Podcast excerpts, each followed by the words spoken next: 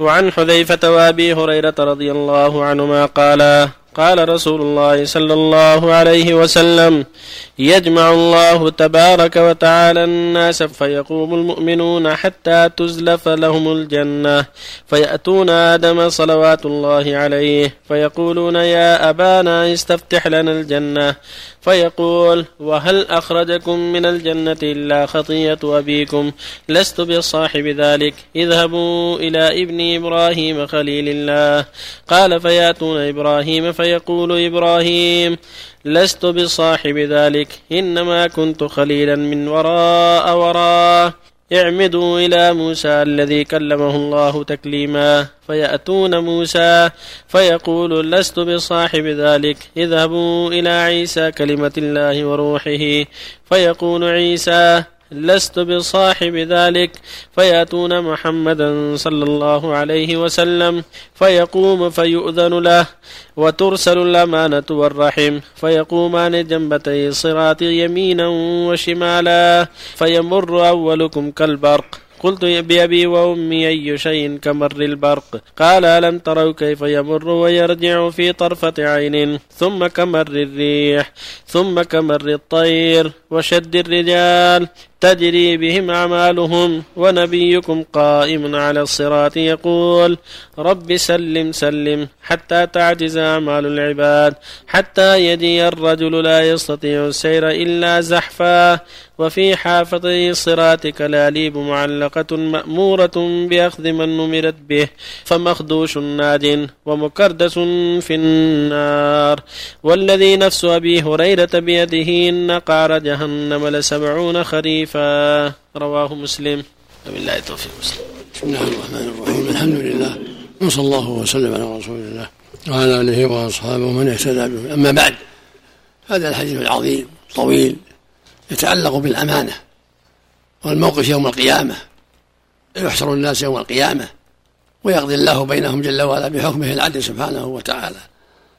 ويؤمر المؤمنون بأن يجوزوا على الصراط حين تزلف لهم الجنة. يعني تقرب لهم ويطلعون عليها. قال تعالى وأزلفت الجنة للمتقين ومرزت الجحيم للغاوين.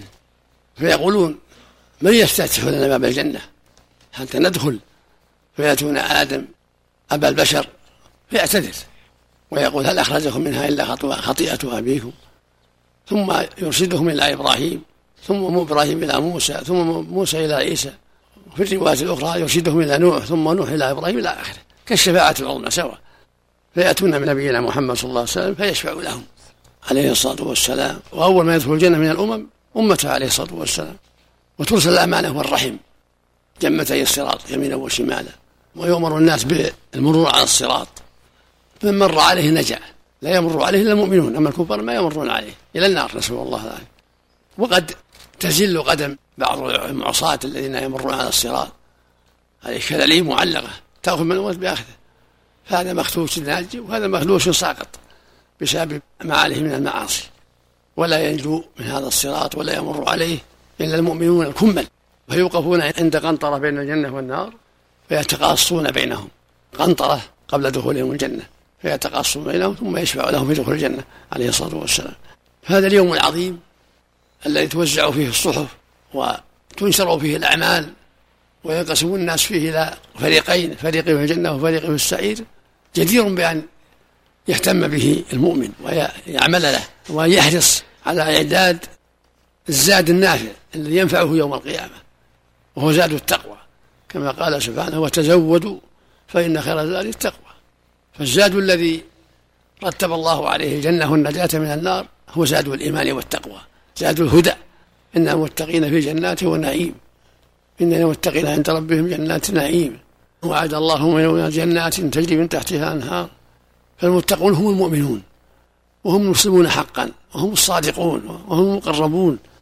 فالله جل وعلا يأمر بالجنة أن تزلف لهم وأن تفتح أبوابها ويدخلها أمة محمد قبل غيرهم من الأمم بعد الأنبياء عليهم الصلاة والسلام.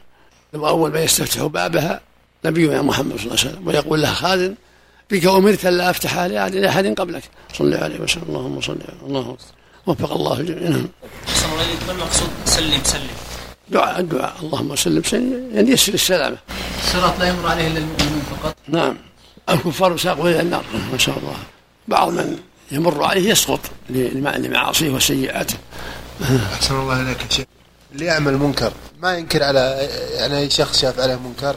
وراه والمؤمنون والمؤمنات بعضهم أولياء بعض يأمرون بالمعروف وينهون عن المنكر. عشان الحديث اللي قبله يا شيخ. إيش؟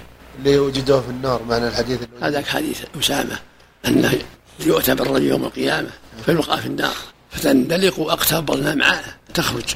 فيدور في النار كما يدور الحمار بالرحى. فيجتمع عليه النار ويقول ألم تكن تأمرنا بالمعروف وتنهى المنكر؟ فيقول بلى. ولكن كنت آمركم بالمعروف ولا آتي وأنهاكم عن المنكر وآتي. يصلوا ولا يصلي.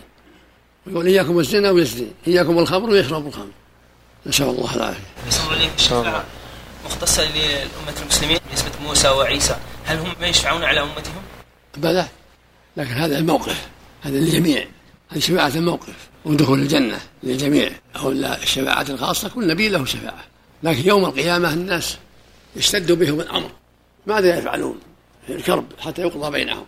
أول شيء فيذهبون إلى آدم أو البشر ويحيلهم آدم إلى نوح ونوح يحيلهم إلى إبراهيم وإبراهيم يحيلهم إلى موسى وموسى يحيلهم إلى عيسى وعيسى يحيلهم إلى النبي صلى الله عليه وسلم. فيتغنم ويشفع في أهل الموقف حتى يقضى بينهم. الشفاعة الثانية عظيمة أهل الجنة. إذا انتهى الحساب بقي دخول أهل الجنة الجنة.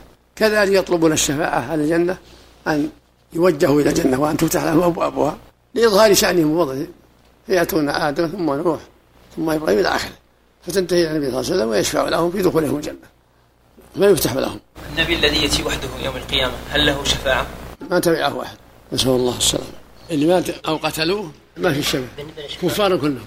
بالنسبة للشفاعة النبي صلى الله عليه وسلم لأهل النار هل يدخل فيها أمم الباقية بالنسبة للأمة؟ شفاعة في العصاة عصاة من أمته بس. في أمته فقط. أمته بقية الأنبياء أيضا يشفعون لأمتهم أممهم في أممهم والأخيار والمؤمنون والملائكة.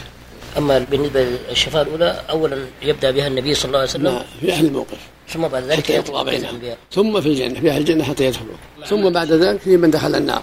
نعم. أن يخرج منها من العصاة. نعم. يشفع شفاعات عديدة. نعم. في من دخل من العصاة. الحوض قبل الصراط. قبل الحساب والجزاء. يشرب الناس يرده الناس يوم القيامة. أحسن. وهم ظماء أحسن لك يا شيخ. بالنسبة للشفاعة الأولى هل يشتركون بقية الأنبياء مع نبينا محمد أم لا لا هو وحده؟ وحده وحده, وحده. هو يشفع يسجد تحت العرش نعم. ثم يحمد الله بمحامد ثم يقال أربع رأس علم آدم وإبراهيم علمني يا مفهم سليمان فهمني. هل يقال هذا الدعاء في كل وقت ولا لا؟ معين؟ هذا كلام طيب. يقول متى شاء.